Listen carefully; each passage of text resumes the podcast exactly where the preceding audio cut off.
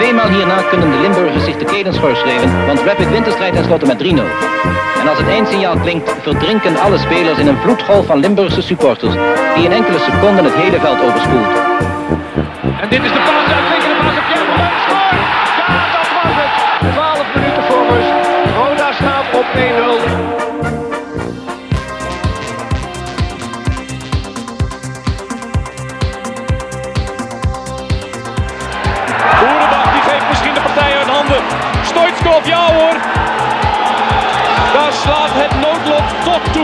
Fout van uitblinker Michel. Ja, natuurlijk. Ik ga maar niet doen of Keerkruis of of Holland of Bezien gehad. Eh, of Boeselender. Het is gewoon schitterend om te met Fries te winnen. Dat is gewoon chance. En Lijpers houdt zo verschrikkelijk hard uit. 1-0 staat Roda voor. Twee ploegen op gelijke hoogte na de wedstrijd van verleden week. En Flederis dus. Mark-Jan Flederis. Mark-Jan Flederis en 2-1 voor Rode JC. Daar is hij dan. En daar is Van Hiepte. En daar is de goal voor Rode JC. Daar is de goal.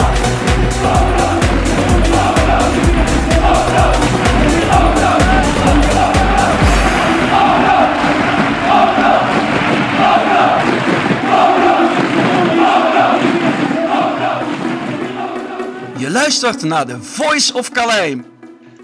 Goedemiddag Bjorn. Hey Rob, goedemiddag jongen. Ja, daar zijn we weer. We hebben vandaag weer een heel interessante gast. Ik denk eh, die nog heel veel eh, mensen bij de vereniging heel duidelijk in het geheugen gegrift zal staan. Die gaan we zo meteen introduceren. Afgelopen weekend ben ik nog even op YouTube geweest. Even wat doelpunten eh, bekeken van onze gast. Ja, er zaten toch eh één naar het andere juweeltje tussen. Ja, hè. er zitten pareltjes tussen. Hè? We hebben ja, we lang ja. meer gezien, dat soort doelpuntjes in het eh Parkstad Limburg Stadion. ja, dat is een van de laatste eigenlijk ja, echte spitsen die we hebben gehad. En weet je wat het is? Op dat moment, toen we dat kaliber spitsen hadden, toen vonden we dat eigenlijk een beetje normaal bij Roda. Want het ging altijd goed, we hadden altijd goede spitsen. Maar nu weten we pas eh, ja, wat we niet hebben. Hè? Ja, Hoe zei je het mist? Hoe zei je het mist om zo'n spits te hebben? ja. ja, dat is wat ze zeggen in Engeland. Hè? Eh, you only know what you got when it's gone. Ja, Ja, zijn ja. hoeveel vrouwen, hè? Of niet? Ja, dat zeggen ze ook wel eens over vrouwen. Maar ja, vrouwen lopen toch niet bij ons of wel Bjorn? Nee, nog niet. Maar ja, wat niet is, kan komen, hè? Ja, wie weet, wie weet hè. Hey, eh, even een rondje sponsoren Bjorn. Rondje sponsoren. Nextdoor Kapsalon, Nagel en Beauty Salon aan de Locht 44A8 in Kerkrade. Jegers advocaat, hè? Nooit gereinigd. Hard voor weinig, hè? Doen we één keer andersom, hè? Niet? Dan hebben we hotelrestaurant de Veilerhof. Herberg de Bernardeshoeve. GSL Music, www.gslmusic.com voor het harde muzieksegment. Rapi Autodemontage aan de Log 70 in Kerkrade. Ja, internetgroep Limburg, iPhone reparatie Limburg op het Wouderpad 7 te Beek voor al je webdesign. Stok Grondverzet uit Simpelveld. Ja, voor al je graafwerk, daar hebben we Willeweber keukens in de Boebegraaf 1 in Schinveld. Keukendesign voor elke beurs. Van Ooyen Glashandel sinds 1937. Kwaliteitsglaszetten en reparatie met een dag- en nachtservice. Ja, quick consulting, hè, change management door empowerment van je medewerkers. Wiertz personeelsdiensten. Ben je op zoek naar versterking van je personeel? Ga dan langs bij Wiertz in het PLS bij Mark en Sean. Hey Bjorn, ik kreeg net een mailtje binnen. Vorige week hadden wij eh, Ruud Wetsels als winnaar van de prijsvraag. Ja. Die, eh, die won een eh, Voice of Calais shirt en een, een Wij zijn Roda sjaal. Er schijnt er een tweede Ruud Wetsels te zijn die dacht dat hij ook gewonnen had. Heb je dat mailtje ook gezien? Ja, ik zag hem naar binnen komen. Ja. Er staan er Ja. dus echt twee Ruud, Ruud Wetselsen. Ja, dat schijnt. Maar ik kon aan de foto zien bij de e-mail dat het deze Ruud Wetsels niet was die we hadden uitgeloot. Dus maakt niet uit, maar ik heb deze Ruud ook een prijs aangeboden. Ah. Moet niet zo zijn als je Ruud Wetsels heet en je hebt precies dezelfde naam, precies dezelfde manier geschreven, dan verdien je ook een troostprijs, vind ik. Ah, maar hoe wist jij dan hoe die echte Ruud Wetsels uitziet? Of ben je weer gewoon vrienden van jou uit het zoeken om de prijzen te geven? Ja, uiteraard. Ja, dat dacht ik. Nee, maar bij de mail kun je in je icoontje kun je altijd een fotootje erbij doen. Hè? Nou, die ene Ruud Wetsels, die heb ik een mail gestuurd, daarmee gecommuniceerd. Toen kreeg ik van deze Ruud Wetsels weer iets. Ja, daar stond er icoontje niet in. Het moet een andere zijn geweest. Hè? Dus het is niet de uitgekozen. Maar dat maakt verder niet uit. Eh, Ik krijg ook een troostprijs. En ik heb al een hele reeks eh, antwoorden gekregen op die wielerploeg. Die Spaanse wielerploeg voor die documentaire op eh, YouTube. Blijf hem doorsturen. Volgende week maken we daar de winnaar van bekend. Ja, misschien krijgen we deze week weer een prijsvraag. Ligt er een beetje aan. Hè? Misschien kunnen we iets verbinden in, uh, in het interview met onze gast zo meteen. Hey Bjorn, heb jij nog een, een tip van de week? Nee, want ik ben nog altijd... dat je alweer niet hebt nagedacht, hè? Nee, maar ik zit toch nog altijd ben, ben ik uh, Ozark het kijken. Dus ik, ik kan niks anders kijken terwijl ik nog met Ozark bezig ben. Dus, uh, dus je kunt maar één ding tegelijk eigenlijk. Nee, maar kijk, ik bedoel, jij ligt de hele tijd op de bank de hele dag, maar ik, ik werk ook nog erbij. Dus ja. uh, ik heb wat minder tijd om Netflix te kijken. Hè? Nou, dan heb ik een tip voor je. Ik heb er twee. Eentje, dat is een YouTube-kanaal, dat heet Copa 90, Copa 90. Daar zitten heel veel filmpjes op. Ja, niet gewoon filmpjes. Dat is een professioneel kanaal. Die hebben volgens mij anderhalf miljoen abonnees of zo. Er worden altijd achtergronden voetbal bekeken. Ultra scenes, maar ook gewoon derbies. Ze volgen voetballers. Er zijn hele leuke filmpjes zitten erbij. Het is allemaal... Uh, toch even iets ongewoner. Dus uh, dat is best leuk om te kijken. Ik heb er al eens een keer die Derby Day serie van aangeprezen volgens mij. En dan kreeg ik nog een tip van René Trost. Die appte mij en zei, hey Rob, je moet eens kijken naar Heinz Flohe. Der met den bal tanste. Dat is een documentaire over een, groot Duits voetballer, Heinz Flohe. Die heeft vroeger bij eerste FC Köln gespeeld. Die is alleen nooit echt erkend geworden. Die wordt nooit bij de grote Duitse voetballers wordt genoemd. Maar die was in de jaren 70 en 80 was dat een, echt een heel succesvol voetballer. En dat is een uh, heel lange documentaire. Die is ook heel interessant. Die heb ik inmiddels gekeken. Die kun je op YouTube vinden. Dat is heel interessant. Zeker in deze dagen mochten meer mensen meer tijd hebben. Hè, doordat ze misschien nog altijd uh, maar tijdelijk werken of zo. Gaan we eens kijken. Echt heel interessant. Dat is wel een Duits. Ja, staat genoteerd erop. Ja, nou, mooi, mooi, mooi. De podcast is zoals altijd gepresenteerd en geproduceerd door South 16. Shirts van South 16, maar ook natuurlijk Voice of Calais shirts kan je krijgen in shop.south16.com. En dan nog een mailadres waar je vragen in kunt sturen, en dat is Bjorn. Voice of Calais at south16.com. Precies. Nou, daar komen toen onze gasten vandaag. Onze topspits van een aantal jaren geleden, Mats Jonker. Welkom Mats. Dankjewel. Mats, waar ben je? Ben je in Denemarken nu? Ik zit uh, in Kopenhagen, ja, in mijn appartement hier. En uh, ja, wij mogen wel uh, lekker buiten de deur. We zijn al ja, weken eigenlijk en maanden vrijgelaten door de overheid. Ja. Dus, dus de leven hier gaat wel redelijk makkelijk door. En, donderdag gaat die Deense competitie alweer hervatten. Oh dus, ja? ja, dus dan kunnen we nog wat meer kijken dan alleen, alleen maar Duits voetbal. Is dat ook zonder, zonder fans? Ook zonder fans, ja. Ze hebben wel bij de ene ploeg, bij Aarhus, hebben ze wel een uh, duizend, uh, ja, iets van uh, camera opgezet met Zoom. Dus duizenden van de supporters kunnen gewoon direct op de, zeg maar, door de Zoom verbinding zitten de wedstrijd te kijken. Natuurlijk over televisie, maar dan krijg je al die gezichten op de achtergrond. Dus dan zien al de spelers wel al die gezichten daar. Oh, dat, is, grappig, dat is wel een grappig idee, hè? Maar, uh, zij, uh, bij die andere club, bij, die, uh, bij de topclub uh, Midtjylland, hebben ze wel zo'n soort drive-in voetbal ding gemaakt. Dus alles en iedereen maakt op de parkeerplaats van het stadion. En dan wordt op uh, groot scherm de wedstrijd uitgezonden. Dan, ja, dan kun je wel meeleven als, je, als ze scoren of zo. Ja, dan gaat iedereen tutten. En, alleen als je wel naar het to toilet moet, dan komt er wel een begeleider. ja, komt er dan een begeleider? Gewoon een begeleider, dat uh, zal er niks verkeerd gaan. Maar goed, ze zijn wel, uh, ze zijn wel redelijk creatief hier. Ja, kijk aan, kijk aan. Hey Mats, hoe zit het bij jullie met, uh, met de horeca? Cafés en restaurants, kun je daar wel naartoe? Ja, ik kan net hier buiten de deur. Ik, ik woon dichtbij een van de grootste zeg maar, plekken van, van Kopenhagen. Dus alles en iedereen zie je hier op, de, op het pleintje. Wel buiten, alleen maar buiten mag je zitten. En ja. uh, we zijn naar 1 meter gegaan van social distance. Dus um, ze zitten wel redelijk dik en redelijk vol hier. Maar goed, we hebben ook echt bijna niemand meer in het ziekenhuis. Ik geloof minder dan 50 of zo. Oh. En uh, ja, aantal doden is dan gelukkig ook wel uh, minimaal uh, gehouden. Dus ehm, ja goed, ze zijn wel goed doorgekomen tot nu toe in ieder geval Denemarken. Ja, jullie waren volgens mij ook een van de eerste landen in de EU die, die helemaal dicht gingen volgens mij hè? Ja, we gingen op 11 maart uh, gingen wij, gingen wij dicht. En ja, goed, een beetje zoals ik denk dat jullie in Nederland ook wel. En, en een paar andere Scandinavische landen, ze, ze luisteren wel naar de overheid. Als ik in Spanje en Italië kijk, ja, dan duurde het nog een week of twee voordat iedereen binnenbleef. En uh, ja, goed, dat zijn hier eigenlijk vanaf die avond. Ik weet nog, ik zat uh, Liverpool Atletico Madrid te kijken. En ja. ja, tegelijk was er wel een uh, persconferentie met die premier van Denemarken.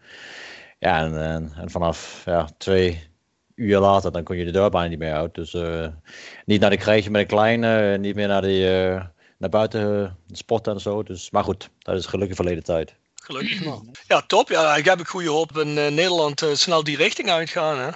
Ja.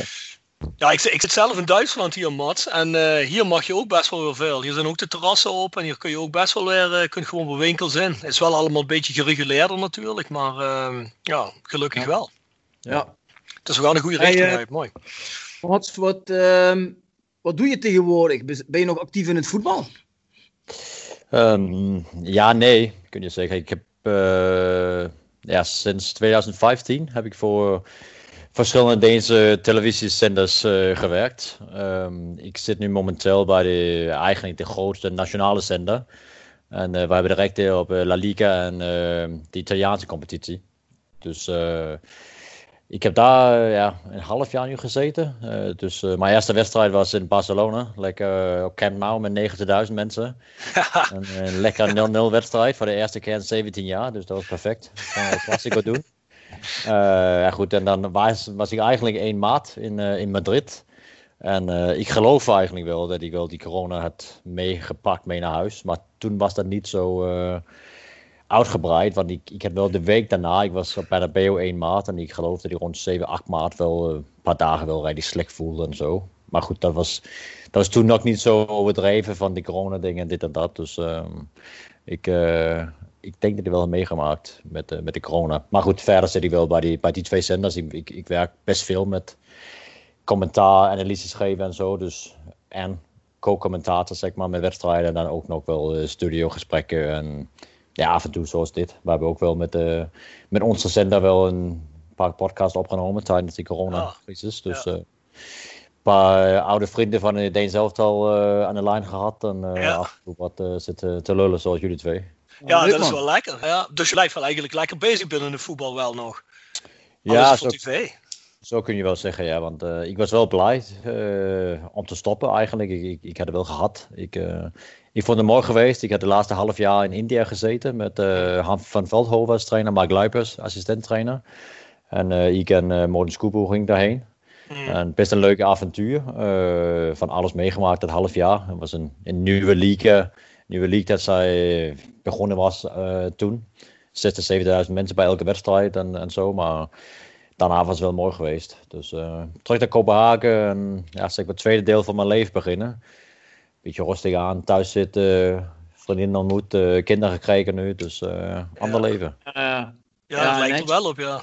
Ja, ja want um, Rob die noteert altijd de hele carrière van onze gasten. Dat heb je nou ook gedaan.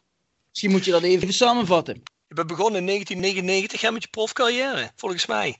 Ja, dat en heb je tot uh, 2014 gespeeld voor Lungby, ja. Amager, Brunby IF, Ulstike FC, Noord-Sjælland, Vitesse, Roda, KV Mechelen en Daily Dynamo's. Ja, dat klopt denk ik. Alles bij elkaar, ja. Ja, ja 147 doelpunten. Tussen 2009 en 2012 heb ik gespeeld voor Roda natuurlijk. 111 wedstrijden, in totaal 51 doelpunten. Dat is bijna 1 op 2 loopje bij Roda met doelpunten. Dus dat is uh, ja, de laatste spits die dat heeft gedaan was Malky. En volgens mij daarvoor en daarna, uh, ja, daarna zeker niet meer.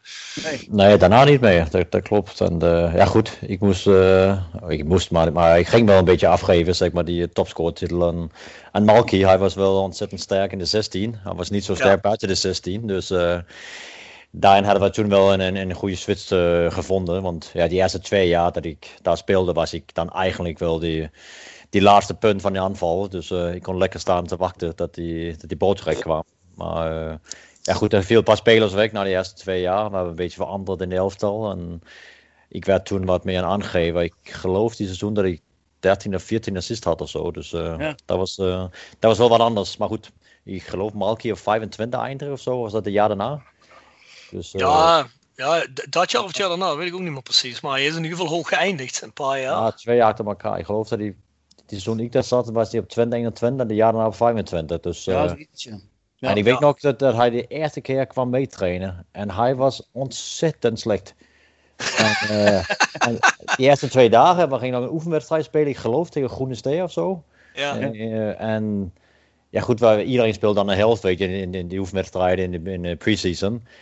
En uh, Rob Wielaert, uh, die er toen van Ajax overkwam, hij, zijn vader was toen uh, sportdirecteur geworden. Ja. ja. Gerard Wielaert, geloof ik. En ja.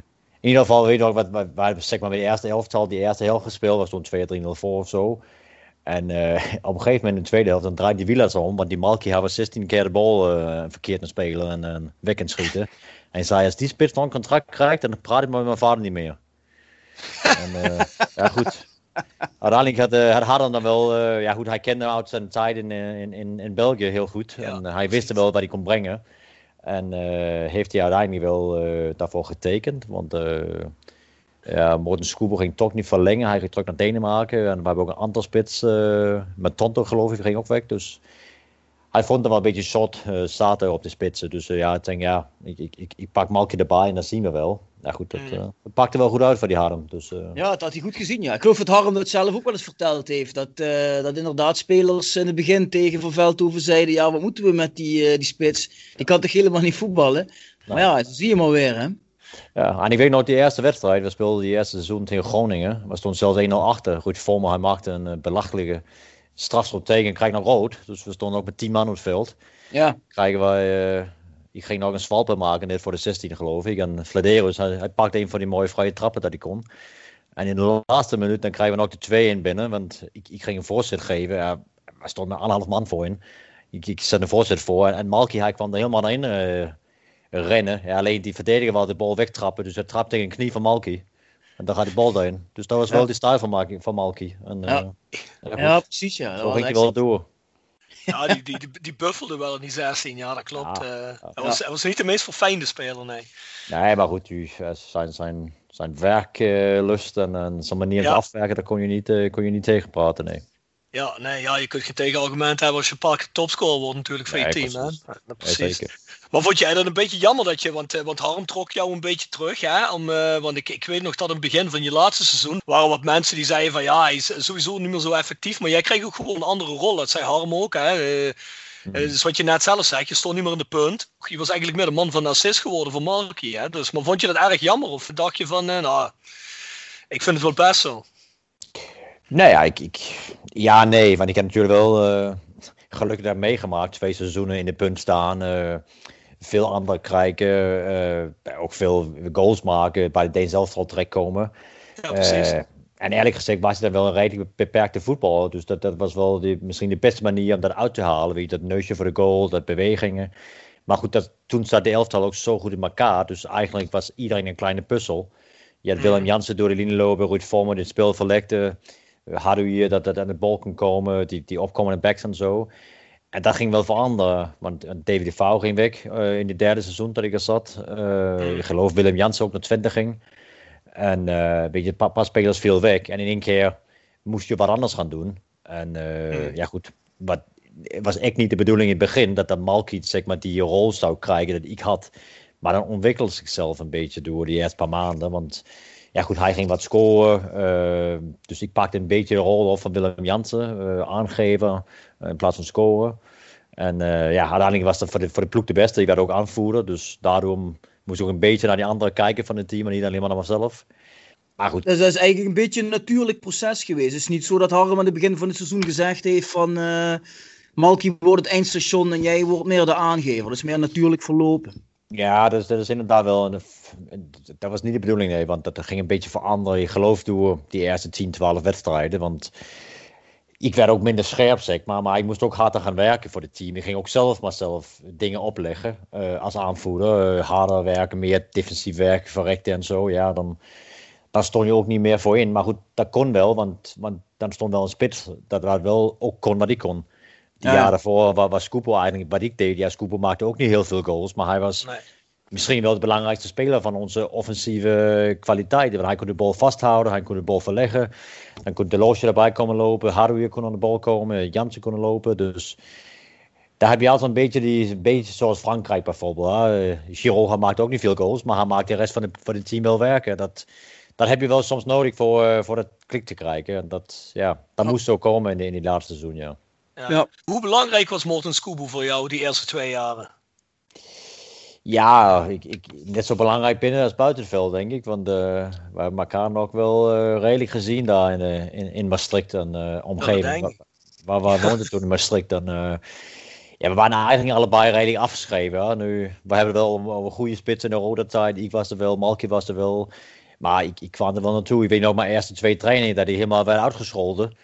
Door een paar supporters. Want ik kon er niks van. ik kon eigenlijk ook weinig bij Vitesse. Maar Martin van Geel had er wel redelijk gok mee uh, genomen. Ik denk dat hij niks anders kon toen, want er was niet veel geld. Dus hij moest een mm -hmm. paar transfervrije spelers overnemen. Hij heeft mij vrij goedkoop op, op, op huur gekregen, één jaar en dan met, het, uh, met een optie. Uh, zelfs met, met Morten, waar dezelfde zaak waarnemen. Mm -hmm. Dus ja, ik, ik, ik weet nog dat er een paar interviews waren ook met supporters van we pakken twee Denen over de nooit goal maakt. Dus, dus wat is dit nou? uh, dus dat hebben wij een beetje gebruikt. Niet, niet als een, zeg maar, uh, iets provoceren, maar van oké, okay, goed, wij kennen bijna niet slechter in Nederland, voor ons allebei. Ik geloof dat Morten een nooit goal had gemaakt bij Utrecht, die eerste seizoen. Ja. En, en die viel ook redelijk buiten de boot bij Vitesse op de einde. En ehm, ja, goed, bij elkaar zijn wel goed gevonden. Het was een goede dat koppel, zoals vroeger in Engels voetbal, en, en, en lang en, en wat, wat korter, spitsen, wat sneller en wat langzamer. En die speelinzicht van Morten was, was heel goed. En, en dat was gewoon op dat moment wat, wat nodig was bij de, bij de ploeg. En ook wel die sfeer, want we hadden echt een hecte team. En ik, heb vaak, ik, ik, ik ben vaak naar Rode gekomen, ook daarna. Uh, spreek ook eigenlijk veel. René Troost, Rick Pluim. Uh, die mensen toen Gersinder daar was. En, en ik geloof altijd dat dat een van de krachten bij Rode was. Weet je, die, die samenhorigheid, dat iedereen door de vuur ging van elkaar binnen en buiten het veld. Sowieso als spelers, maar ook voor supporters. Uh, de spelers namen wel tijd om, om, om naar de supporters om te komen. Uh, je ging een gesprek aan met de training en dat soort dingen. En, en die gevoel uh, heb ik wel redelijk snel gekregen daarna dat het wel kwijt ging. En, ja. en, en toen ik ja. aankwam, zaten ook jongens dat heel lang bij de ploeg, bij de ploeg zaten. Pamadouka, David Chambre, uh, Hadoui. en er waren echt veel spelers dat lang zaten. En, ja. en dat, dat gaf wel een soort milieu uh, in, de, in de kleedkamer. En dat ging mij in mee. Ik en Scoobo en een paar van de nieuwe gasten. Maar bijna alleen maar ons twee hebben daar wel uh, onze plek gevonden. Maar dan had je echt gewoon een, een, een, een gehekte team. Dus we gingen uit eten, je ging een drankje doen. Uh, op trainingskamp was het wel hard, maar ook gezellig en dat soort dingen. Ja. Dat, dat, dat ging wel ook uh, ik profijt van maken. Want zoals uitwedstrijden bij AZ, waar je echt onder druk stond, als je staat in de arena en zo, ja. Dan ging je af en toe elkaar even bij een korte uh, corner praten van, ja oké, okay, vanavond gaan we weer uit. Hè. Als we nog een punt pakken hier in de arena, dan gaan we vanavond een drankje doen. Hè. En dat soort dingen, zoals je bijna ja. basis, maar amateurvoetbal zeker van, nou, later is er ook nog wat te doen. Hè. Maar nu gaan we eerst met, met, met, met, met goede vrienden hier uh, een, een, een goed prestatie leveren. Maar Mats, uh, verklaar je daar ook door dat je bij wijze van spreken bij Roda wel heel goede cijfers had en bij uh, Vitesse niet, van, vanwege die goede sfeer? Ja, nee. Dat, voor mij was het meestal dat, dat toen ik bij, bij Roda kwam, was, was zeg maar die, die systeem wat meer mij afgeschreven. We speelden 4-4-2 daar, een middenveld. Uh, voor mij was het ontzettend goed dat je had Willem Jansen en, en daarbij. Twee spelers dat ook echt een oog van, van je medespelers had. En bij Vitesse was het niet echt zo. Ik, ik kwam daar naartoe als topscorer van Denemarken. Ik moest Amoa of, uh. Hij ging naar Dortmund toen. En uh, ja, goed, ik, ik, ik kreeg er wel uh, gewoon alle kansen om, om, om, te slagen. Ik speelde elke wedstrijd de eerste half seizoen. Maar ja, daarna een nieuwe trainer. Het was sturing ging weg. Art de Bos. Die, die speciale man, laten we het zo noemen. Die, en een andere trainer waar, hij anders aan meegemaakt. Hij kwam naartoe, maar goed, hij had mij niet, hij had mij niet binnengehaald. Uh, ik was wel door Harm van Veldhoven binnengehaald. Harm kon wel mijn karakter zien, Maartje van Geel kon mijn karakter zien. En dat probeerde ze op in te spelen. Atemos had redelijk snel door dat hij met uh, een, speler kon kopen. Hij ging van Feyenoord halen. Ja, en dankzij uh, Lazovic deed het erg goed bij Vitesse die twee jaar. Dus het is altijd een beetje weet je, van, van geluk. als je de kans krijgt, moet je ook pakken. Uh, eerst twee wedstrijden bij Roda scoorde ik ook niet. Dus ik weet nog die, echt die, die opgelukking. Maar we won 1-0 thuis van, uh, van uh, NEC. En ja goed, ik maakte de winnende doelpunt. En een, een, afvalsbal van de keeper. En ik had afgelopen week nog met Lasse Schöne dat het wel maar het belangrijkste doel van, van Roda was. Hij speelde toen bij, bij NEC. Ja, dus, ja die, die, die, die kapers moet ik nog wel bedanken. Want toen was ik al een beetje twee keer gewisseld na 16 minuten door Harm. En, en, daar ga je weer naartoe van ja, hij slaagt toch niet, hij scoort die goals niet en zo. En dan, ja, goed, dan weet je ook hoe het zit. Want we hadden ook een paar andere goede spitsen op dat moment. Of goede, we waren wel andere spitsen, zeg maar. En, ja. en daar kon je ook naartoe werken met één spits te spelen in plaats van twee en zo. Dus, ja. Maar ja, wat je zei. Klopt, maar, maar dat maakte wel ook voor mij. Ik ben een sociale mens. Uh, ik had ook zoiets van bijna zeg maar daar nu. Ik maak de laatste seizoenen mee in betaald voetbal. Zie wel wat eindig, omdat het zo slecht ging bij Vitesse. En dan kom je direct bij de groep dat ook zo'n beetje denk. Iedereen ging wel vol bak op de, op het trainingsveld en op de wedstrijden. Maar daarbuiten was het altijd wel een, een goede sfeer. Daar ging je wel met 8 10 mensen wat doen. En dat paste bij Roda, vond ik. Dat, dat, dat was niet zo uh, een verkeerde manier dat je wel hard werkte, maar dat je ook wel plezier had uh, met z'n allen. Uh, dat is niet altijd zo bij elke club, dat is vaak ja. iedereen voor zichzelf. Maar dat paste, vond ik bij Limburg en zeker bij Roda zo, dat ook de mensen omheen, de Gersinder als teammanager, ja, dat was ook een, een, een, een levensgenoot. Hij kon ook uh, meepraten. Leip was ook weet je, van de verleden tijden, die kon ook wel van die AC Milan wedstrijden vertellen en, en ja. van Europese wedstrijden. Dat, dat vond ik wel belangrijk, dat je ook die, die historie van Roda meekreeg. Hey Mats, wie benaderde jou uh, om naar Roda toe te komen? Was het Han van Veldhoven of was dat Martin van Geel? Hoe kwam je eigenlijk terecht bij, uh, bij Roda? Ja, ik, ik werd uh, opgebeld door mijn zaakwaarnemer. Hij zei van ja, ik heb met alle geluk van de wereld een club gevonden voor je. Want ik, die Martin van Geel, hij, ik, ik heb nog wel een, ja, een, een extra, extra hij, hij, hoe heet, hoe heet dat in, in Nederlands? Hij, hij heeft nog een dienst, maar hij, hij, hij schuldigt nog eentje ja, een vriendendienst. Dus uh, ze gingen samen uh, lunch eten. En ja, zijn verhaal ging van ja, ik, uh, als, als ik die, die, die lunch betaal, dan pak je wel mijn twee spitsen aan. Maar ik kan ze nergens kwijt. maar ik, weet wel dat, ik weet dat Reply bijvoorbeeld, hij heeft er wel redelijk veel wedstrijden van mij in, in, in bij Jong Vitesse gezien. Mm -hmm. Maar goed, dat gezegd, dan, dat kan hem echt niet overtuigen. Ik weet dat ik daar 49 wedstrijden speelde en één goal maakte. Dus uh, ik was niet altijd heel opdreven op die maandagavonden in die sportcomplexen. Dus, uh, dus ik, ik, ik, denk alweer eens een beetje waar je wil toevallig, een beetje uit nood. Uh, ik heb natuurlijk een redelijk cv'tje toen. Uh, toch wel een Interlands gespeeld, topscore in Denemarken. En, ja.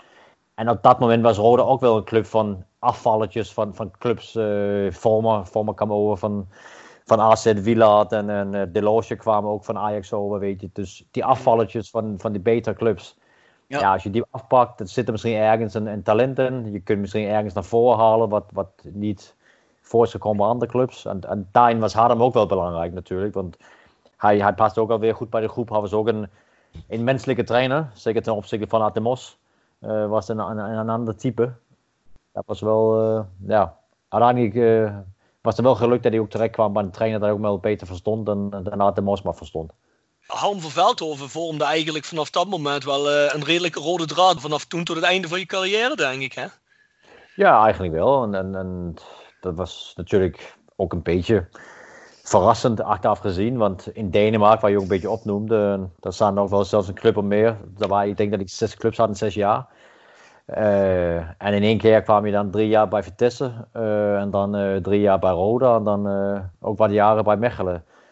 En, en die twee jaar bij, bij KV Mechelen kwam een beetje op de achterkant van uh, 2012 was dat. Ik werd niet uh, van de EK afgeroepen. Dat was wel, ja, waarschijnlijk wel een grote teleurstelling. Ik heb niet veel teleurstelling gehad, maar dat was wel toen.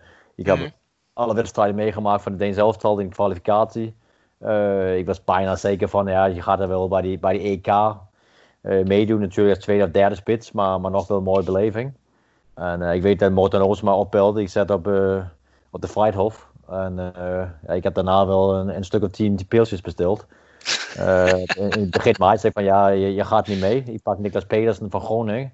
Dus uh, die jongen heeft vier goals gemaakt. Ik heb de vijfde de afgelopen drie seizoenen. Maar, maar goed, zo was dat. Daarna wist ik wel van Deen zelf dat dat, dat, dat zeg maar, boekstuk, hoofdstuk was wel, was wel klaar. Mm -hmm. Dus daardoor niet dat ik zeg dat het Belgische competitie minder was. Maar KV Mechelen was natuurlijk eh, op dat moment ook niet een topclub. Wel met een mooie geschiedenis, een beetje als Rode. Ja. Uh, Haarlem ging daarheen. Uh, ze kwamen in een aanbieding, maar ik was transfervrij. Ik heb nooit een aanbieding van Rode gehad. Uh, dat vond ik wel ook natuurlijk een beetje jammer, want mm. ik heb wel redelijk veel voor de club betekend. Ik was ook heel blij met de club. Ik was aanvoerder.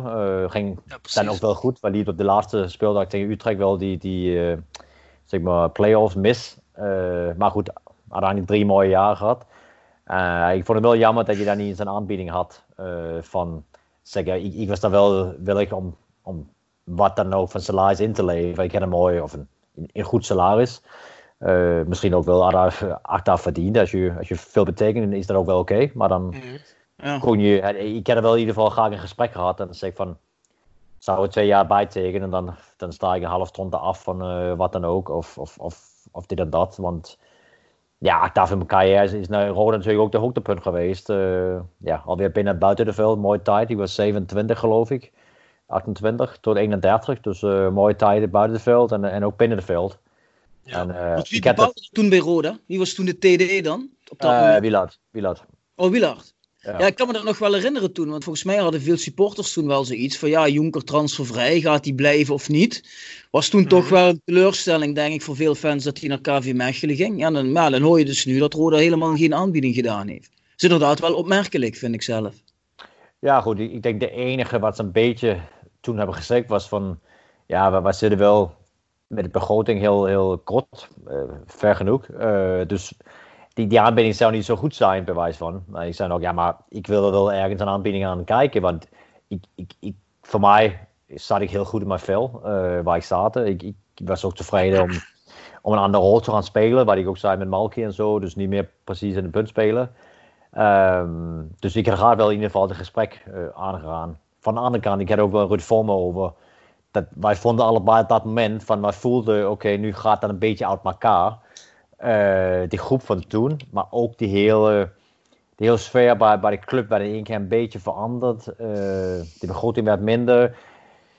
Max van Geel was weg. Uh, je voelde ook aan, ja, Van Veldhoven ging weg. En, dus alles ging een beetje uit elkaar. En we hadden wel het gevoel van dit, dit kan wel een roda zijn dat heel snel problemen kan komen.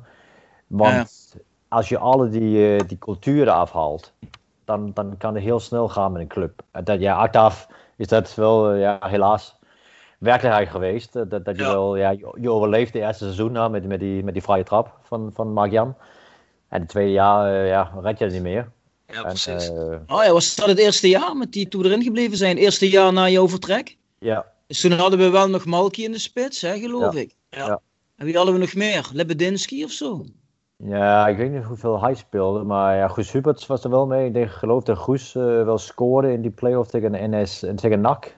In, het, in een van die dingen. En ja, ik weet niet meer wie daar in de spits stond, uh, zou ik eerlijk zeggen. Um, maar goed, in ieder geval, we hadden wel het gevoel van, want daar ging bijna iedereen was weg van toen. Van ja, Kruiswijk, Pamanuka, David de Vaar, Ruud Vormer, Bordeaux, Hadoui, uh, ik, Scoobo, Jansen. De, bijna iedereen was weg. Dus ja, Dan, dan, dan, dan, was dat ook wel. Ik was wel, wat ik wel weer zei. Ik heb graag een gesprek gehad. Misschien waren we uitgekomen, een jaar, twee jaar geplakt, aangeplakt. Misschien niet. Maar het is wel een beetje jammer uh, om zo weg te gaan. Een beetje zeg maar. Uh, ja, door de achterdeur was het niet precies. Maar, maar ook niet zo van, weet je. Oké, okay, het is niet zo geworden, dan is het niet zo geworden. Maar ja, goed. Ja, want je kon ook in de krant lezen, dat, uh, of tenminste, dat, dat, dat, er stond ook in de pers dat, uh, dat jij zei: Ik wil eigenlijk terug naar Denemarken nu. Ja, ik, ik, maar ik zei op dat moment, die, die, teleurstelling van niet naar de EK te gaan, was dat ook in mijn carrière uh, zo ver gekomen. Ik was mijn carrière zo ver gekomen. En dat ik dacht van, nou ja, dan, ik heb niet sportief, is de uitdaging nu, wordt niet beter, zeg maar. Want, want mm -hmm ik was toen aanvoerder bij een mooie club in de Eredivisie. Ik heb veel goals gemaakt, veel meegemaakt met Deens elftal. Eigenlijk meer dan ik kon verwachten. En vanaf nu uh, gaat het wel maximaal uh, op, op even hoogte. Dus, dus ja, wat je zei, van Roda naar KV Weggelen is ook niet een, een, een grote stap. Dat is uh, maximaal zijwaarts, zeg maar. En, maar goed, dat... Toen in ieder geval wel, ja. Ja, dus daardoor, daardoor kies je wel een beetje voor... Wat ik zei, je kende de trainer, krijg een redelijk mooie uitbieding, aanbieding uit, uit België ik dacht dat die heel makkelijk zou zijn om maar 100 eh, kilometer te, te verhuizen. Net over de grens uh, van Maastricht dan naar, naar Brussel. Maar goed, achteraf kun je niet zo goed naar, uh, weet ik veel, Oeganda verhuizen. Ja. Want wat je moet regelen om van België of van Nederland naar België te verhuizen, dat is niet normaal. Verzekering en bank, weet ik veel allemaal. Dat is, ik dacht dat het ja, makkelijk ja, zou zijn voor, door de twee landen, maar, maar dat was niet zo. Hebben jullie wel eens, uh, jij en Scoobo, wel eens in Maastricht vervelende reacties gekregen? Omdat jullie van Roda waren, werd je wel herkend in die stad, denk ik, hè? Nee, ja, nee, we, we, we werden wel gekend soms, maar we hebben gelukkig uh, dan echt nooit. Dat uh, ik, eigenlijk andersom. Uh, ik heb een paar keer meegemaakt als je dan over Maastricht praat, als je dan in Kerkrade bent, dat het wel wat, wat meer gevoelig ligt. Dat je niet, eigenlijk niet ging vertellen waar je woonde. Maar goed, wij, wij, wij gingen ook wel als wij uit gingen eten, of zeker in het begin waar je dan best onherkenbaar ben. Uh, ook tegen iedereen vertellen dat we gewoon studenten waren in Maastricht. Want dan kon je makkelijk op het terras zitten, drankje doen, niemand ging je aan, aanspreken. Dat werd ja, later wat, wat moeilijker als je dan topscorer van de Eredivisie bent. En ik, ik maakte toen uh, een van de Albert Heijn reclames mee. ik en Ole Toy wonen. Ja, als je dan één keer al die posters staan in Albert Heijn, dan, dan kun je wat, wat moeilijker verschuilen, zeg maar. maar ja, dat is inderdaad wat moeilijker, ja. ja. Maar, maar, gelukkig nee, dat, dat, dat waren nooit zo echt vervelend. Maar ik geloof toen was de, was, was de gat ook zo uh, groot tussen MVV en, en Rode. Ik weet dat het wel gevoelig leek, maar toen was ja, Maastricht lag dan wel 10 of 12 in de, in de Jupiler League. En, en wij, wij stonden op vijfde, vierde plek in de Eredivisie. Dus ja. dan was het niet zo dat je echt tegen elkaar uh, kunnen vergelijken. Ja, dat is natuurlijk ook anders geweest ja. de afgelopen jaren. Ja, dat is zeker anders geweest, ja. ja toen jij er hebt gespeeld, heb je eigenlijk in de laatste team gespeeld eigenlijk van Roda. Of laatste teams. Ja, die eigenlijk in de subtop hebben gespeeld. Jullie zijn, uh, wat was dat eerste jaar? Volgens mij achtste, hè? Ja, ik geloof dat we achtste waren. Op de laatste speeldag volgens mij, hè? Dat gootje, wat was dat bij Willem II? We hebben wel tegen Willem II gespeeld in de laatste wedstrijd, waar die scoorde een penalty, weet ik nog. Uh, maar dat was toen, toen waren we al geplaatst voor de play-off. Daarna hebben wij Heracles verslagen. Toen hebben Bordeaux ja. de laatste minuut gescoord. Uh, uit tegen Heracles. Uh, we hebben 1-1 thuis gespeeld. En toen hebben wij, ik geloof, daar 2-2 gespeeld. Of 1-2 gewonnen, want Bordeaux scoorde op de laatste seconde. En daarna hebben we tegen Utrecht gespeeld uh, in die finale van de Europese wedstrijden. en we verloren thuis. Ik geloof dat Dries Mertens nog scoorde. En dan hebben wij daar, daar gingen we vol op de aanval. In Jean-Paul die grote de grote mond van hem. Hij, ging ook, uh, hij moest centraal of rechtsback spelen en uh, na vier minuten ging hij zelf voor spelen. Want uh, zoals tegen die Harlem zei in rust, ja, we moeten nog twee goals maken.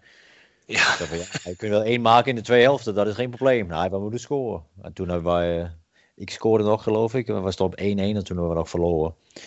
En inderdaad, de jaren op hebben wij ook wel die, die, die play-offs gehad. Toen stonden wij eigenlijk bovenaan, na acht of negen speelronden geloof ik. Wij ja. wonnen uit bij AZ. En uh, dat was wel die, die beste periode. Toen speelden ja. we echt, echt goed en echt op de aanval. En veel echt vermakelijke wedstrijden. Waren we je 5-2 en uh, we hebben nog VVV echt uh, pak even elke keer. Dat is altijd leuk. 0-4 hè? Ja, we hebben daar 0-4 gewonnen, thuis ja. 5-0. Um, ja. En ook nog ja, gewonnen of gelijk gespeeld met de Ajax 2-2. En uh, gewoon heel veel mooie wedstrijden gespeeld. Thuis een 3-0 gewonnen van Feyenoord. En, uh, en, dat soort wedstrijden. Maar toen was het echt, en dat voelde je ook echt het publiek aan. En mensen om de omgeving. Dat was plezierig voetbal. Dat was echt aanvallende voetbal. Wat vaker 4-2 dan 1-0. En uh, dat was echt leuk om mee te maken. Ja, het moet lekker zijn om zo'n elftal te spelen, denk ik. Hè? Ja, zeker. Als je dan ook spits bent en, en, en veel goals naar je toe komt. Maar ook iedereen kende zijn plek. Iedereen werkte hard voor elkaar. En, en dat extra, weet je, dat, dat, dat, dat gaf je ook wel omdat je vrienden waren. En dat, dat ja, blijft nog wel een punt. Uh, zeker in die, in die tijd was dat echt een, uh, een verschil. Ik vroeg me af, volg je nog alles uh, wat er nu bij Rode gebeurt de afgelopen jaren? Ja, ik, ik volg nog redelijk wel. Ik heb natuurlijk wel een, een heel goede vriend daar zitten, Timo Hendricks. Een, een, grote supporter, waar de acta een goede vriend is geworden van me. hij volgt natuurlijk ontzettend veel, dus ik krijg wel vaak van hem mee. En voor de rest uh, lees ik natuurlijk wel dingen. Ik, ik volg uh, Nederland wel, VI en Voetbalpremier. Uh, gebruik ik best vaak ook als, als websites om voor, voor te bereiden. Maar ja goed, je leest helaas alleen maar bijna slechte verhalen van Roda. Ik, ik geloof nu zijn we op de vijfde eigenaar in vijf jaar of zoiets. En, ik zou bijna zeggen, de enige, de enige silver line, de enige goede, is dat, ze, dat we nog niet failliet zijn gegaan. Want ja. dat had daarin gezeten. Zoals ik uh, van buiten ja. kunnen zien. Al twee, drie keer konden er echt uh, over een, een, een out zijn geweest. En uh, ja, goed. Gelukkig zit je dan ook daarin. En uh, gelukkig kan je niet degraderen in het begin bij de keukenkampioen divisie en zo. Want anders kun je in één keer wel echt omlaag zijn gegaan. Maar ik vrees, dat was toen ook wel wat een beetje mijn vrees was. Want als je een grote club bent zoals Roda was, in, in de zin van een grote club in, in de streek. Ja, als je dan, als je, als je daaronder gaat, als je naar de Jupiler League gaat, dan is het zo moeilijk om naar boven te komen. Want zeker in de streek waar je ook wel andere clubs hebt. Sita is dan één keer, een paar, weet je, paar jaar, krijg je dan goede investors, goede sponsors. VVV blijft ook wel wat doen. MVV komt een beetje omhoog, ja. FC Limburg zit er ook altijd in, denk ik. Als je echt een, een, een, een poging wil maken aan, uh, aan Nederlands voetbal. Maar goed, dat zou waarschijnlijk nooit gebeuren. En, en daardoor was Roda wel de club in het zuiden. Maar goed, als je dan één of twee keer, wat je nu zei, je, je gaat degraderen. Je verliest veel geld, je hebt problemen met, uh, met de eigenaars. Ja, dan, dan gaat het zo snel wat je in vijf of tien jaar hebt opgebouwd. Dan kun je twee jaar over zijn. Ja, inderdaad. Want dat laatste seizoen dat jij er zat, waren we tiende. En ik denk Ja. dat de mensen toen, zeker voor de twee jaar die ervoor waren geweest, twee keer play-offs. En jaar daarvoor word je vijfde of zesde. Hè? Ja, dat ervaren lui toen wel alles teleurstellend, denk ik. Hmm. Terwijl als je Ja. kijkt wat er allemaal na is gekomen. Als je nu eh tien in de Eredivisie zou kunnen eindigen. Nou, dan denk ik dat veel mensen nog in de lucht springen. Ja. Het is ook bizar hoe snel dat is gegaan, hè? Ja, dat klopt. Maar alweer, ik, ik vond dat, dat toen, zeg maar, die, die TD, dat wie dat was, en misschien die club ook, iets te gemakkelijk, eh, zeg maar, met, de- met de DNA van, van, van die eh, kleedkamer omging. Maar die zei, veel mensen gaan weg. Eh, eh, het wordt wel moeilijk om, om een Ruud Vorman tegen te houden. Of eh, David de Vouw Ja. krijgt echt een mooie aanbieding in Zuldewaardigem, dus hij gaat weer weg. Maar dat, dat heel eh, opbouw van, van een kleedkamer, dat, dat komt niet zomaar dat je dan tien verschillende spelers van rechts en links naar binnen haalt. Dat, dat, dat had je wel een beetje eerder kunnen, zeg maar, proberen aan te, te, te- pakken. Dat je Ja. misschien in de tweede, dat natuurlijk makkelijk af, achteraf, is altijd zo, maar had je wel dat in het tweede seizoen dat een beetje in kunnen bouwen, of wat ik zei, zeg van oké, die, die, die of die Former of zo, die is, die is zo belangrijk voor, voor de club en ook de boekbeeld naar buiten toe als die aanblijft, eh, ja, dan, dan kun je maar nog wel een beetje van, die, eh, van de ziel van de club behouden. Uiteindelijk werd dan Malky, ik geloof dat Malky ook de aanvoederschap eh, kreeg dat- toen ik wegging. En Malky was dan de boekbeeld en dat was ook terecht en ook belangrijk. Maar hij was daar heel alleen. Uh, er was bijna niemand meer. Hij en Mark-Jan Vladeus. Ja, en, en was, was echt een wisselspeler die jaren voor. Hij, was, hij maakte af en toe 10 minuten meemaken. En, en in één keer was hij dan die, de speler. En, Ja, en- ja, dat, dat- dat is niet erg bedoeld, maar het is echt moeilijk als je binnen een subtopclub binnen in pre-season met 15 nieuwe spelers dat moet gaan bouwen. Ja, ik geloof ook nog toen eh, uit alle windrichtingen. Hè? Toen werden er heel veel buitenlandse talenten ook zo gehaald. Had je bijvoorbeeld Danilo, heeft toen Ja. nog dat jaar eh, bij Roda gespeeld. Ja, natuurlijk wel allemaal misschien individueel goede voetballers.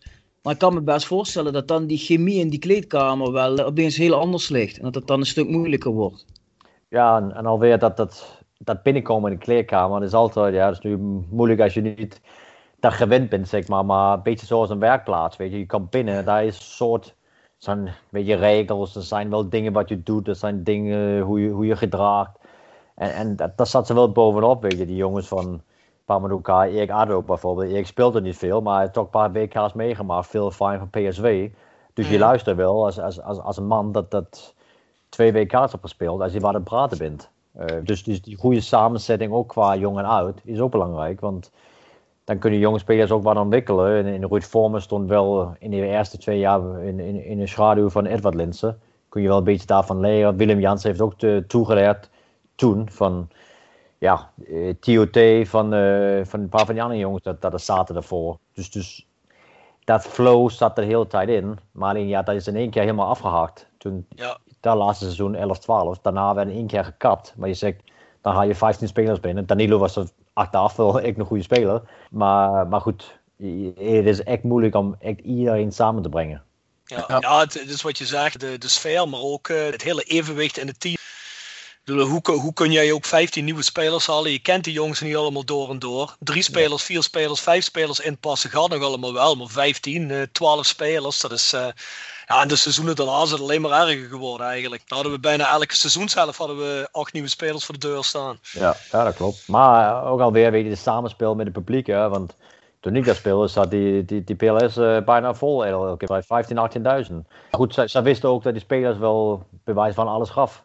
Ja, dan kun je wel verliezen en zo. Je kunt ook een minder wedstrijd spelen. Maar als ik de, jaar, de twee jaar daarna op bezoek kwam en wedstrijd zag, ja, dan zag ik ook niet dat, dat inzet. En niet dat gevoel van, ah, we gaan wel echt door de vuur voor elkaar, maar gaan ook niet door de vuur voor de supporters en ook niet door de vuur voor de club. Maar je zei, wat meer voor mezelf, als ik hier een goede seizoen draai, dan ben ik weer weg.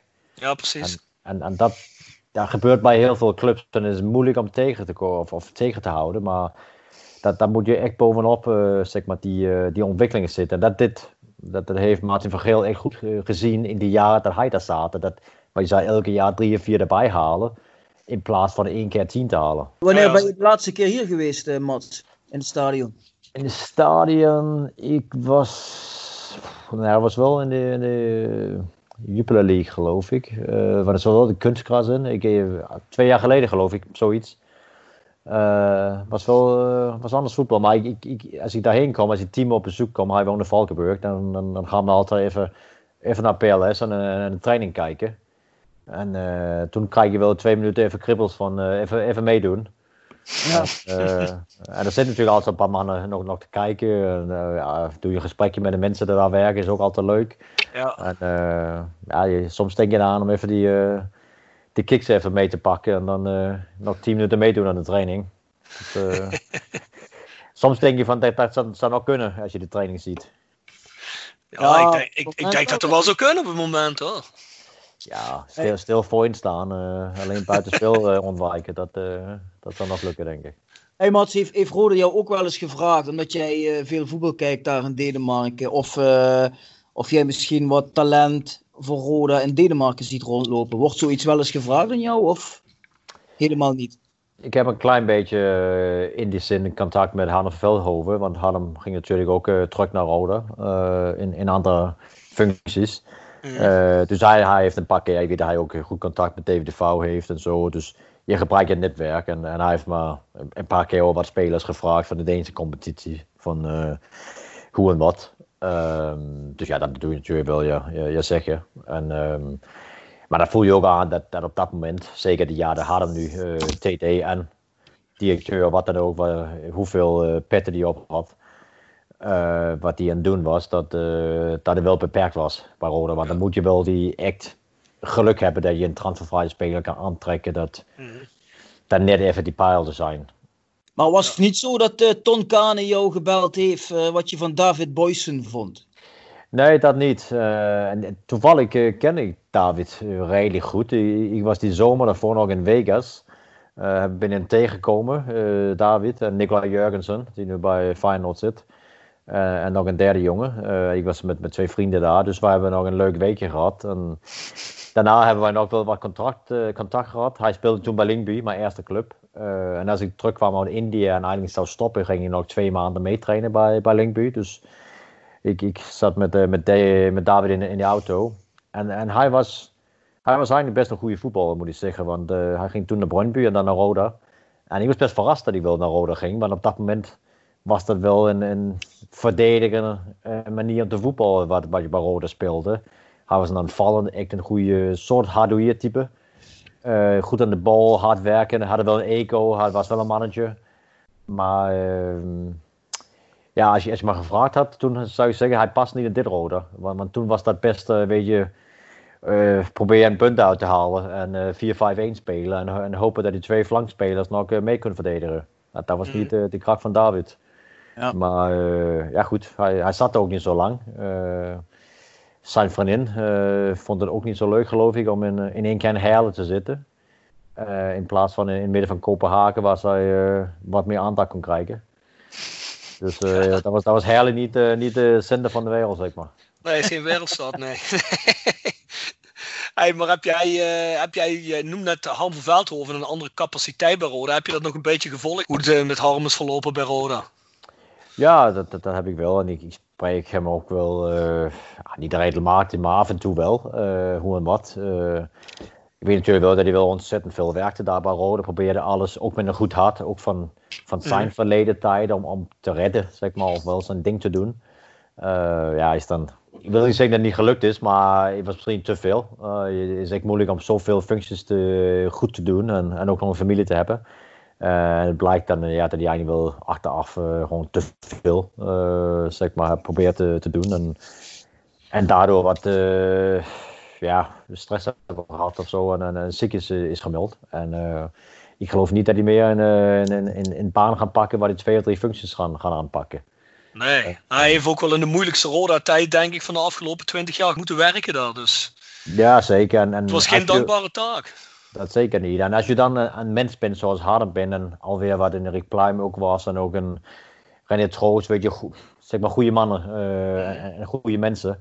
Ja, dan, dan, dan lever je ook veel, veel van, je, van je ziel in, in wat je doet. Het is niet alleen maar uh, zakelijk uh, wat je doet. En, en, daar raad je wel, denk ik, van, van, die, alle, van die mannen allemaal.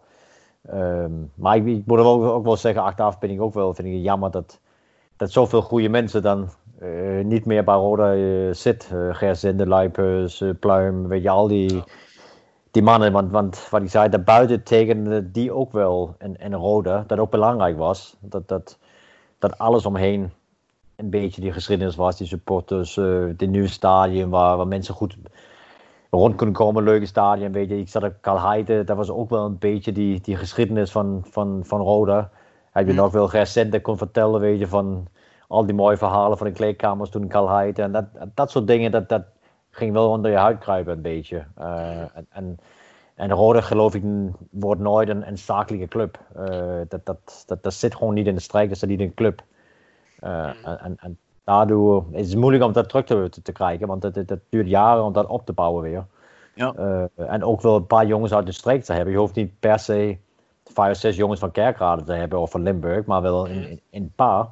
Dat ook nog de, die dialect kan ingooien en dat ook nog kan vertellen dat hij bij Groene Ster heeft rondgelopen of uh, die weg kende achter Karlheid. En niet alleen maar, weet je, zoals wij in Maastricht woonden of alleen maar komen om een jaar te voetbal en, en daarna weer wil, wil vertrekken goede mengeling is denk ik het belangrijkste. Ja. ja. ja. Hey, maar uh, je noemde net al dat je in India hebt gezeten. Hè? Ja, is ook bizar. Hoe kom je daar nou terecht? Ik zeg het zelf al, hè? dat is volgens mij het eerste jaar van de Indian Super League, geloof ik, heette ja. het. Hè? Ja, hoe kom je dan terecht? Eh, kom je dan met Harm terecht? Of uh, komt die connectie via jou en komt Harm er via jou terecht in Scubo? Of hoe gaat dat dan? Ja, dat was eigenlijk door Martin van Geel. Uh, want Delhi Dynamo's, dat een van die acht ploegen dat daar mee zou doen in dat nieuwe commerciële toernooi dat het was. Het was je speelde van niks eigenlijk. Je speelde 14 wedstrijden. Uh, daarna weer die eerste vier speelde je halve finale en finale. Ja goed, die Delhi Dynamo's die gingen wel contact opzoeken met Feyenoord. Uh, dus daardoor speelden we ook Oranje. Ja, niet door, niet door, door Feyenoord, maar door, door Nederland. Ja. En veel, veel van die andere clubs, uh, Calcutta, dat die, die jaar won, die had met uh, Madrid een samenwerking. Dus die had, speelde ook in, in de kleur van Atletico Madrid. Uh, Pune had met, uh, met Fiorentina een, een, samenwerking. Dus daardoor was die connectie eigenlijk met Feyenoord en met Nederland. Ja, toevallig was Martin van Geel dan TD bij, bij Feyenoord. Dus hij belde me op, zei van dit en dat is, is het verhaal. Wij proberen wel die, de nieuwe club in Oud-India te helpen met spelers. Ook met begeleiding van hoeveel bidonnen moet je hebben met, met wedstrijden. Wanneer ga je wat eten. Alles omheen met de voetbal. Mhm. En uh, hij had dan wel, uh, ja, zeg maar, Harm en, en Luipers overgehaald om, om die taak te pakken. Dus toen hij mij belde, zei van ja goed, het is in ieder geval wel je, je tweede vader, die is trainer. En Luipers is erbij je oom, dus uh, je kent de mensen daar wel. en daar komen ook een paar Nederlanders erbij, wat Belgen komen erbij, weten we. en ze zei van ja goed, in de eerste instantie hebben we neergezegd. Ik vond het wel, ik heb toen een echt een goede baan gekeken bij de Deense televisie was net na de WK. Dus ik moest voor de televisie gaan zitten en beginnen. Maar ik belde Martin een week later. Zei van ja, moet toch wel uh, kunnen dat wij, als je die aanbiedingen eens een beetje, een beetje verhoogt of wat dan ook, kunnen we anders gaan doen. Zei ja, ik heb toevallig met Scoop want wij, eigenlijk wouden wij samen gaan reizen. Misschien drie, vier maanden naar Azië of wat dan ook vertrekken. Ja. ja toen kwam dit op, op de pad. En je zei van ja, als ik wat meer salaris kan krijgen en Scooper ook in het pakket kan krijgen, dan, uh, dan, dan, dan, doen we dat wel. Uh, dus Martin belde een paar dagen later, ja, dat kan wel. Um, zou wel lukken. Dus ik en Scooper over gehad, zei ja, dat wordt niet de rondreizen in heel Azië, maar wordt rondreizen in India. En uh, weet je, worst case scenario, dan zitten wij 100 dagen op de, op de hotelkamer, een flesje wijn elke avond en wat Netflix. Dus uh, dat gaat nog niet helemaal fout gaan. Uh, ja. ja. goed. Nou, wat die avontuur was het wel. Voor ons was het puur ervaring. goed, ja. was wel op, op, als je op de veld stond, wou ik wel spelen. Ik werd uiteindelijk aanvoerder, want ja, we hadden Alessandro Del Piero als onze sterspeler. Maar ze hadden wel redelijk veel aan de Anelka, Materazzi, Nesta, Luis Garcia, Elano. Dus, dus heel veel spelers bij de andere clubs, Trezeguet. En ik weet nog, die eerste wedstrijd, en een beetje typisch Harm, maar ook typisch Nederlands, was in, die, in, de pre-season maar nog vijf, zes weken voorbereiding. Uh, Del Piero, hij kwam pas twee weken later, had even geen tijd. En toen kwam hij wat meetrainen. De laatste oefenwedstrijd speelden we als Del Piero links hangend, Igen Scubo in de spits. Beetje Harouille uh, positie zoals die vertelde, die, Del Piero. Uh, die Del Piero, hij kende niet Harouille zo goed. Uh, zei van, wat, wat verwacht je trainer? Ja, een beetje van, van links naar binnen komen en dan wat mee verdedigen, een beetje aan de zijkant dekken. We hebben de wedstrijd geloof ik 2 gewonnen tegen een, een Indische ploeg. En het was wel zo de regels, je moest minimaal vijf Indische spelers in de ploeg hebben de hele tijd. Dus het mm. was een beetje zo neerzetten van waar, wat doen ze de minste uh, schade. Dus een, een rechtsback kon je neerzetten. En een 6 kon je misschien zetten tussen twee anderen. Linksbuiten of zo. Maar goed, dus de eerste wedstrijd spelen we dan. Dan moest spelen, we hebben die, die bespreking. En uh, vier, vijf uur voor de wedstrijd in, in een hotel. En hij zet de elftal op, Harm, en De Piero zit er niet bij. Er staan al twee dagen lang cameraploegen in, in die hotel uh, van Italië. Want de eerste wedstrijd was tegen Pune. Trezeguet spelen tegen Del Piero. Die twee topspitsen uit Juventus, die twee topspitsen uit de 90. En die tegen elkaar met, uh, uh, met de coin toss en alles, weet je, met de wedstrijd. Dus ja, goed, dat gaat dan niet door, want, want die vond niet dat, dat, dat de Piero nog goed mee verdedigen in, in die in oefenwedstrijd. Dus hij zit op de bank. maar nee, Alessandro, hij, hij stapte op. Hij heeft sowieso 14 verschillende aanvoerdersband mee. Hij heeft ook zijn eigen branding, ADP. Dus hij, hij staat op en zegt van, dat is mooi trainer, ik, ik ga even naar mijn kamer. Ik ga niet de rest van de bespreking meedoen. Uh, ik heb hier niet voor getekend. En uh, dus ik stond daar aan die, aan aftrap met 60.000 mensen met Trezeguet. Dat was een probleem dus voor, voor, iets, voor Italiaanse televisie. Zij, zij kreeg niet de snapshot dat ze wou. En uh, ja goed, Scoopboer gaat natuurlijk geblesseerd raken na 20 minuten of zo. En die hadden gevraagd aan Pierre om warm te lopen. Uh, kijkt hij niet aan zeg ik, ik loop niet warm. Als je in de vel komt, dan ga ik daarin. Maar ik ga niet warm lopen trainen. Dus hij kwam daarin en, en ja goed, we speelden 0-0 de dag daarna hebben we een bespreking. En ik en Morten moeten naar de, naar de kamer van Harm. Zeg van ja, ik heb wel gesprek gehad met de, met de eigenaar van de, van de ploeg. Want uh, die, Piero verdiende wel miljoenen daar. Zeg van, uh, hij moet wel volgende wedstrijd spelen, heb ik gekregen te horen. Dus, dus ik moet één van, van jullie twee moeten uit. Want ja, we moeten alleen maar met zes buitenlanders spelen. En, en, dus ik gelijk van ja, ik, ik ga er wel uit trainen. Ik, ik, ik, ik hoef niet zo te voetballen hoor. Dat uh, is niet gekomen. En, uh, dus hij heeft, uiteindelijk heeft hij wel zijn uh, ja, missie zeg maar, uh, wel volgebracht, Morten. Want toen vertrok, hebben we nog een go-away party gehad in Kopenhagen. En zei van ja, ik ga voor de avontuur. Ik speel maximaal drie wedstrijden. dan kan Mats wel alles spelen, maakt me niet uit. En ja, op die laatste wedstrijd tegen Materazzi en Nesta, dat was die, die centrale verdedigers in, van Chennai toen. dat was zijn derde wedstrijd, de Scoop speelde. En Arani is er wel die geschiedenis ingegaan. Dus hij en Zidane heeft er wel over eens. Dat uh, zijn laatste wedstrijd was een rode kaart te pakken om uh, Materazzi uh, de grond te, te gaan, te rammen. Want hij, Materazzi ging helemaal door op een van onze Indische spelers. We hadden één zo'n bijna mascotte, was een kleine Indische jongen. Manish heet die, was echt een, leuke kerel. Grappen maken. Hij kon niet voetballen, maar hij was wel een, een leuke gast. hij, hij trapte als, als een paard. Goed, hij, maakte wel meedoen in een paar wedstrijden. En uh, die laatste wedstrijd stond 2-2 en moesten winnen. Dan gingen we naar die halve finales. Ja, op die ene laatste minuut of zo, dan kwam Materazzi erin vliegen met twee benen en een breekbaan aan zijn enkel. Ja, toen kwam die Scooper in. Hij was een heel rustige jongen, maar hij kwam daar aanrengen. Hij pakte die, uh, die Materazzi aan en duwde hem naar de grond en zo. Dus hij kreeg direct rood. En, uh, dus hij ging een beetje lachen. Van ja, jij zit dan, hè. 2006 en 2014. Dan pak je die Materazzi aan. dus daardoor was er wel een beetje een leuke avontuur achteraf. Dat was, dat was mooi herinneringen. Veel grote voetballers daar. Dan zit je... Dan zit die Longberg met die, met die uh, Anelka koffie te drinken. Komt de Piero erbij zitten. En uh, Luis Garcia van, van Liverpool toen. Uh, zitten er vier mensen de koffie te drinken. Hè? Dan zit ik met, met Wim en, eh, en Chris uit België weer koffie te drinken. hè. Dat eh, was ook een ander verhaal. Ja, maar wel even nog mooi om meegemaakt hebben, toch? Zeker. Ja, zeker. Mooi avontuur. Man. Ja. Lekker. Ik heb begrepen, jullie zitten een beetje in een tijdnol met z'n tweeën, of niet? Nog even die, eh, die kleintjes ophalen dadelijk. Dus, eh, Oké. ik kan- Mats gaat de kleintjes ophalen. Nee, ik moet naar de gevangenis, Rob. Ja, niet, eh, geen zorgen. Alleen eh, zakelijk. Hè. Niet, eh komen Ja, je we na weet- een uur terug. Ja, je weet niet met wie je het hier te maken hebt, Mats. Dus eh het is een, Ja, is een nou ja. zwart crimineel, die Bjorn. ja, ik heb ook in dag de gevangenis eh, gezeten hier twee maanden lang. 24 uur per dag met de twee kleintjes zitten. Dat eh, is ook geen pretje hoor. ah, gelukkig, gelukkig verstaat de vrouw geen Nederlands. Dus eh Dat klopt. je wel zeggen.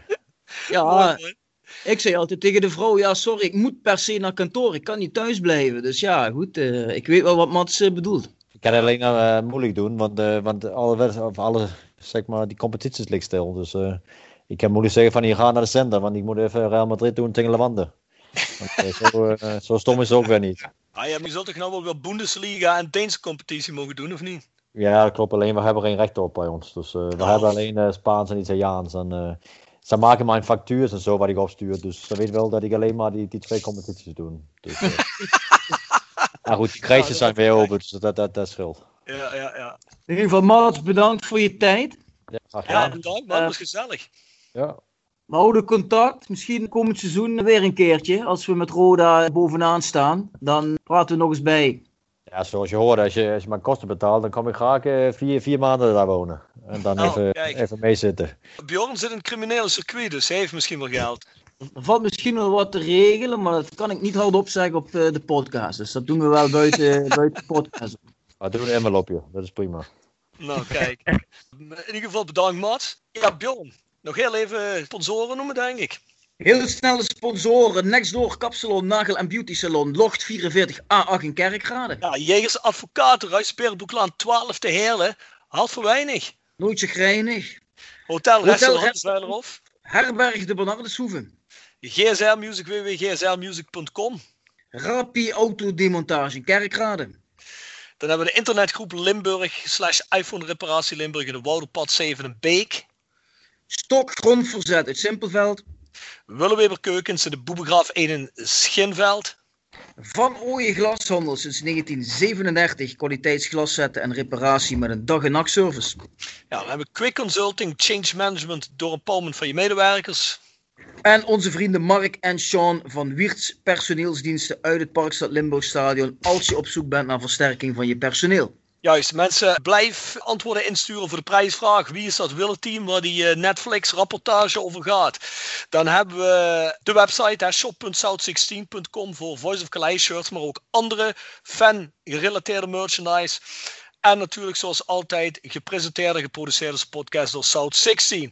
Nou, hebben we nog een mailadres. En Mochten jullie vragen hebben voor de gasten of mochten jullie andere opmerkingen hebben, stuur ze naar de voiceofcalais@south16.com. Nou, Dan zijn we er hè. dat was hem weer voor deze week. Tot volgende week. Tot volgende week, mensen.